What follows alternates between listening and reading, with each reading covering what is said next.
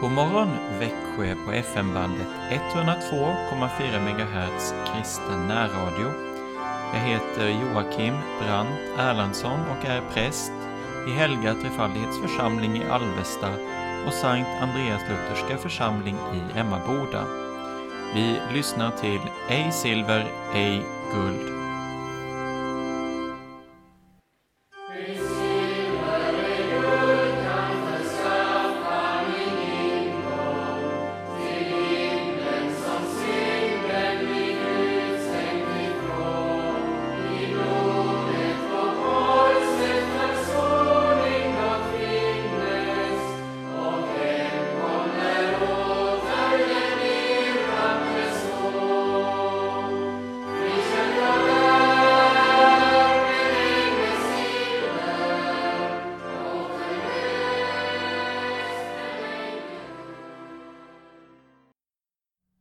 Jag läser från boken De maktlösas styrka.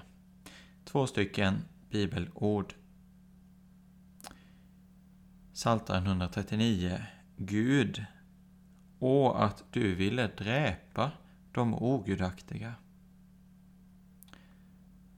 Gud, å att du ville dräpa de ogudaktiga. Hesekiel 18, 23 Menar du att jag har lust till den ogudaktiges död? säger Herren, Herren, och inte fast mer därtill att han vänder om från sin väg och får leva. Menar du att jag har lust till den ogudaktiges död, säger Herren, Herren, och inte fast mer därtill att han vänder om från sin väg och får leva. Jag läser en sång. Ack kära, så säg, hur kom du så väl igenom de portarna klara? Då ej någon syndig och ohelig själ må våga sig genom dem fara du var ju av syndares släkte. Här möter vi en fråga. Kära, säg, hur kom du så väl igenom portarna?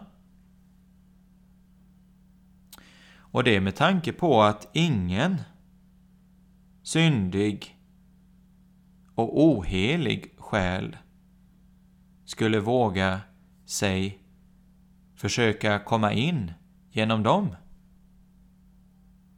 Du var ju av syndares släkte.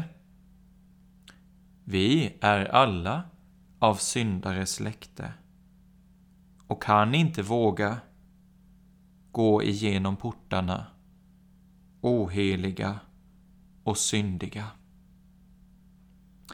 Sångaren svarar På nåden jag levde på nåden jag dog, av nåd kom jag in i den staden.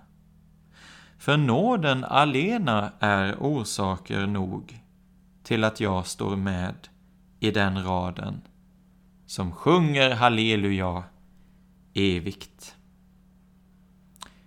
Guds nåd. Den går att leva på. Den går att dö på och den går att komma in i staden på. Och den ensam är orsak till att jag får stå med i den raden som sjunger halleluja evigt. Nåden, Guds nåd. Om det var av nåd så var det inte av gärningar, annars vore nåden inte längre nåd, står det i skriften.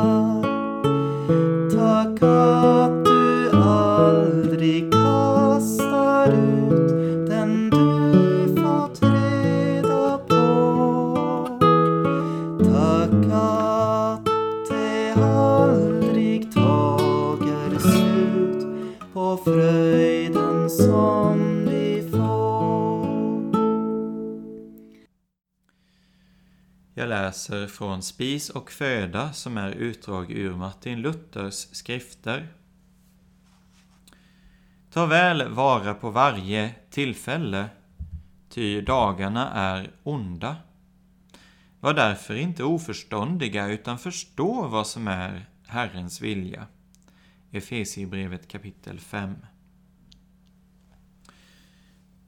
Det borde förvisso vara det viktigaste. Att vi tänker på hur vi ska behålla Guds ord och hans vilja hos oss. Det kan kallas att vara verkligt förståndig och skicka sig efter tiden. Gör vi inte det så ska det gå oss som det går de oförståndiga och ovisa. Att de måste höra, då ni inte har velat helga mitt namn och utvidga mitt rike samt göra min vilja, så ger jag er inte heller ert dagliga bröd, förlåter inte era synder, eller hjälper och frälsar er från ondo. Detta blir deras straff som inte har velat känna Guds vilja eller rätta sig efter den. Aposteln Paulus förmanar oss här och säger Ta väl vara på varje tillfälle, ty dagarna är onda. Som ville han säga Tänk inte att ni här kan ha goda dagar och uppskjut inte vad ni kan göra tills ni menar er få bättre tid. Det blir i alla fall inte bättre. Ni har alltid djävulen i världen som bara vill hindra er i allt gott. Ju längre, desto mer lägger han hinder i vägen. Ju längre ni väntar, desto mindre kommer ni till att göra något gott. Se då till att ni stjäl tiden åt er på vad sätt ni kan. Låt ingenting vara så kärt för er som att befordra Guds rike och tjäna kristenheten till nytta, vad ni kan, vad som än händer er.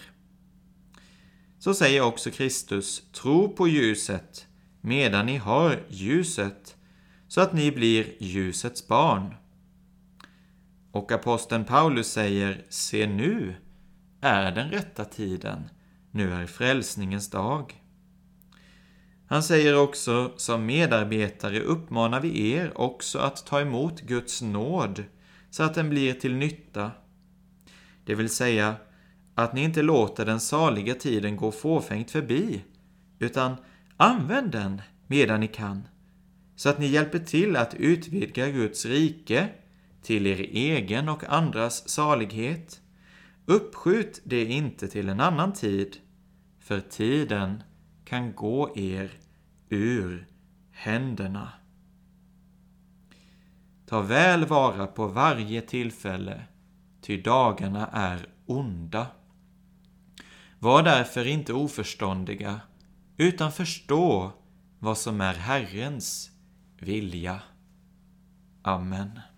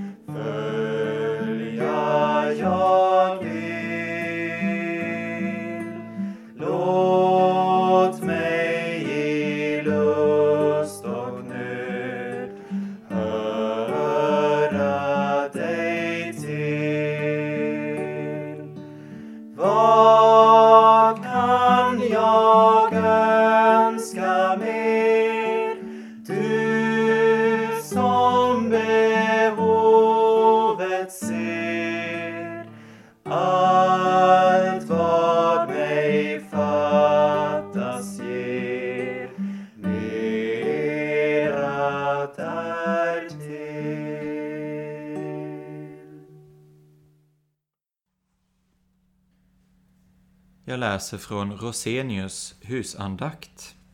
Ett ord från Psaltaren 103. Han friköper ditt liv från graven och kröner dig med nåd och barmhärtighet. Han friköper ditt liv från graven och kröner dig med nåd och barmhärtighet. När Gud förlåter en människa alla hennes synder och helar alla hennes brister är hon fri och slipper undan vreden och fördömelsen. Men inte bara det. Hon är också utsatt för den stora, ofattbara, gudomliga kärleken som övergår all mänsklig kunskap. Som en öm mor älskar sitt barn och en brudgum sin brud, så älskar Gud denna människa. Han har henne mycket kär. Detta har Gud på ett härligt och underbart sätt uppenbarat i den heliga skrift. Skriften har många märkliga ord om detta förhållande.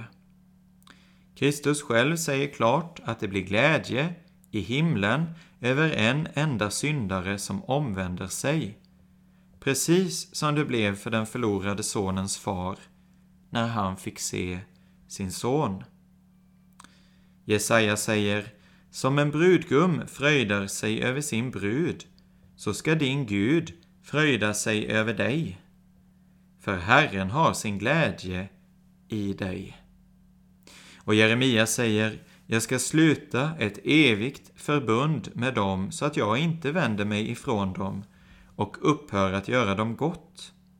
Och jag ska lägga fruktan för mig i deras hjärtan så att de inte viker av ifrån mig.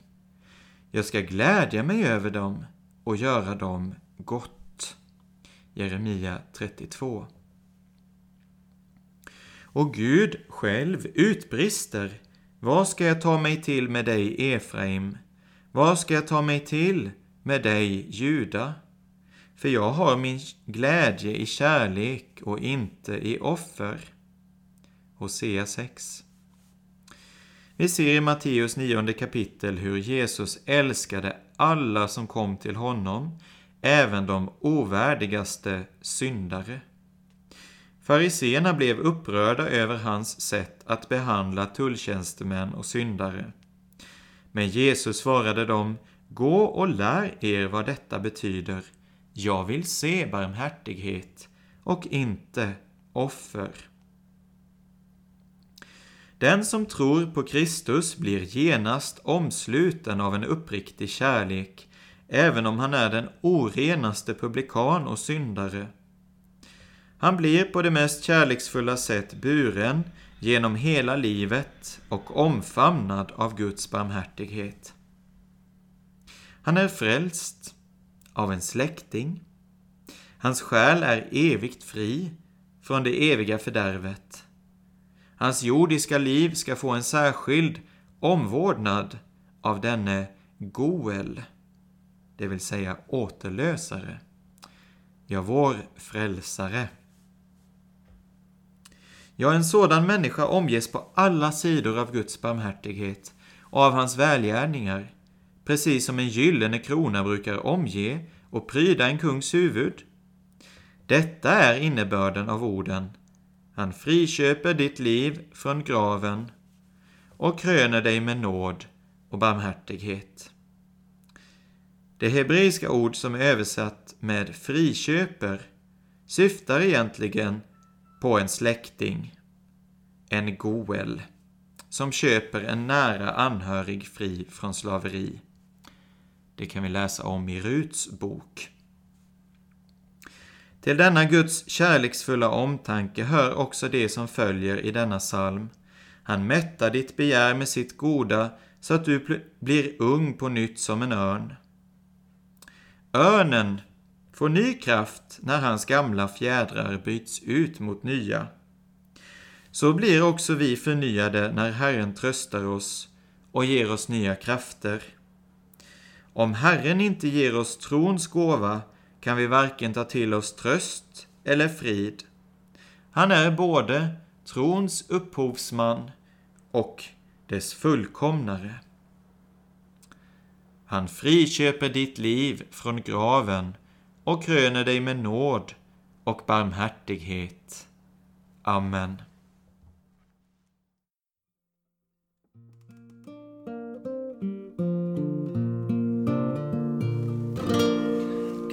Guds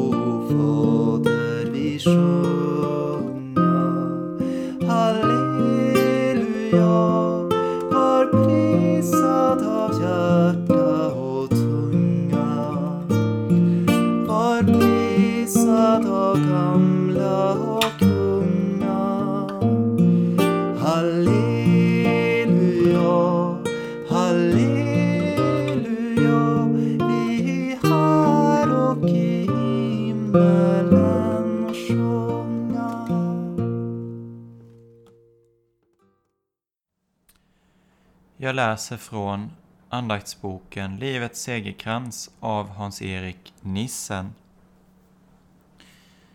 Nu väntar mig rättfärdighetens segerkrans och inte bara mig utan alla som älskar hans återkomst. Andra Timoteusbrevet 4.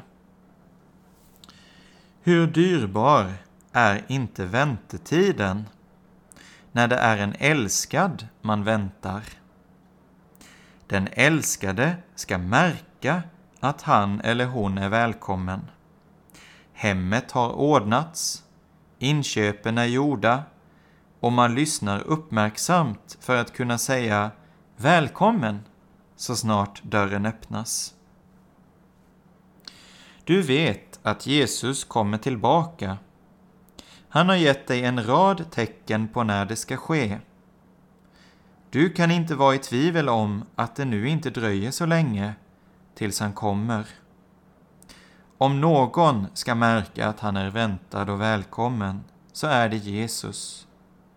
Det varken kan eller ska han tvivla på. Gång på gång har du bett om att hans rike ska komma.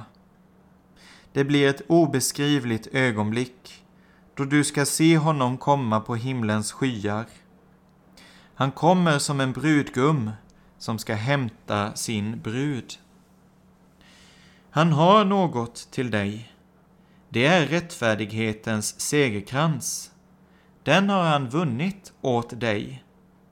Han har skänkt den till varenda fattig syndare som han fick rena i sitt blod. Men i mötet med honom ska det som du nu äger i tron uppenbaras. Ja, du ska själv uppenbaras tillsammans med honom i härlighet. Änglarna ska stå vid den himmelska stranden och sjunga välkomstsång. Nu väntar mig rättfärdighetens segerkrans och inte bara mig, utan alla som älskar hans återkomst. Då skådar jag Guds rena lamm som för mig dödat var och såren som på korset stam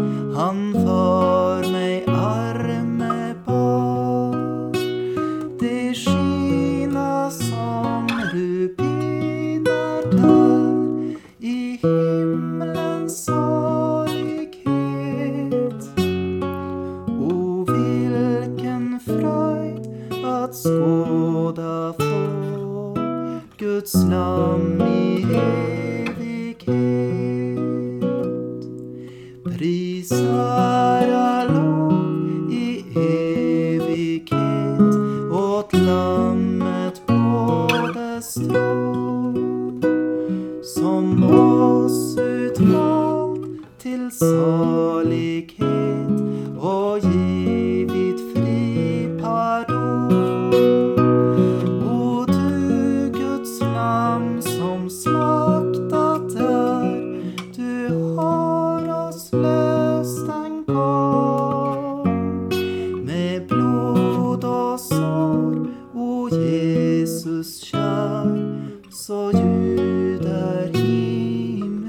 sång.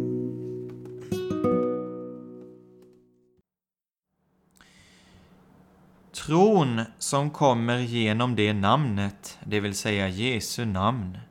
Apostlagärningarna 3. Tron som kommer genom det namnet. Om du kunde fråga aposteln Johannes hur han kom till tro, är det möjligt att han skulle ha svarat jag var tillsammans med Jesus. Jag såg honom. Jag betraktade honom. Jag rörde vid honom.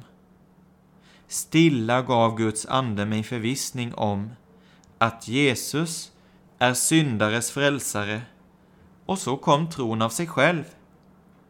Jag kunde inte vara så nära Guds son utan att komma till tro på honom. Han skapade helt enkelt tilliten i mitt hjärta. Så är det också för dig. Får Bibelns Jesus en stor plats i tanke och sinne, då kommer och växer tron. Många är mer upptagna av tro eller brist på tro än att vara vända mot Jesus. Då går det som det står i en sångstrof. Jag såg på tron och tron försvann. Men stanna inte där. Du måste ha med fortsättningen. Jag såg på Jesus och tron vann. Jesus är nämligen trons upphovsman och han är också dess fullkomnare. Tron är som en blomma. Den vänder sig mot solen. Samtidigt är den mer än en blomma. Tron skapas nämligen genom själva solen. Solen är Jesus och solen skiner ända in i ditt hjärta. I trons rika liv upplever du att ju mer Jesus är för dig, desto mindre tänker du på din egen tro. Jesus fyller dig helt. Allt handlar om honom. tron som kommer genom Jesu namn. Fader vår som är i himmelen. Helgat varde ditt namn. Tillkommer ditt rike. Ske din vilja så som i himmelen, så och på jorden. Vårt dagliga bröd giv oss idag och förlåt oss våra skulder, så som och vi förlåter dem oss skyldiga är. Och inled oss inte i frestelse, utan fräls oss ifrån ondo. Ty riket är ditt och makten och härligheten i evighet. Amen. Ta emot Herrens välsignelse. Herren välsigne dig och bevare dig. Herren låter sitt ansikte lysa över dig och vara dig nådig.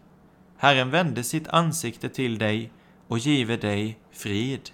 I Faderns och Sonens och den helige Andes namn. Amen. Ja, Guds frid i vår uppståndne Herre och Frälsare Jesus Kristus. Herren lever, välsignad vare min klippa, upphöjd vare min frälsnings Gud.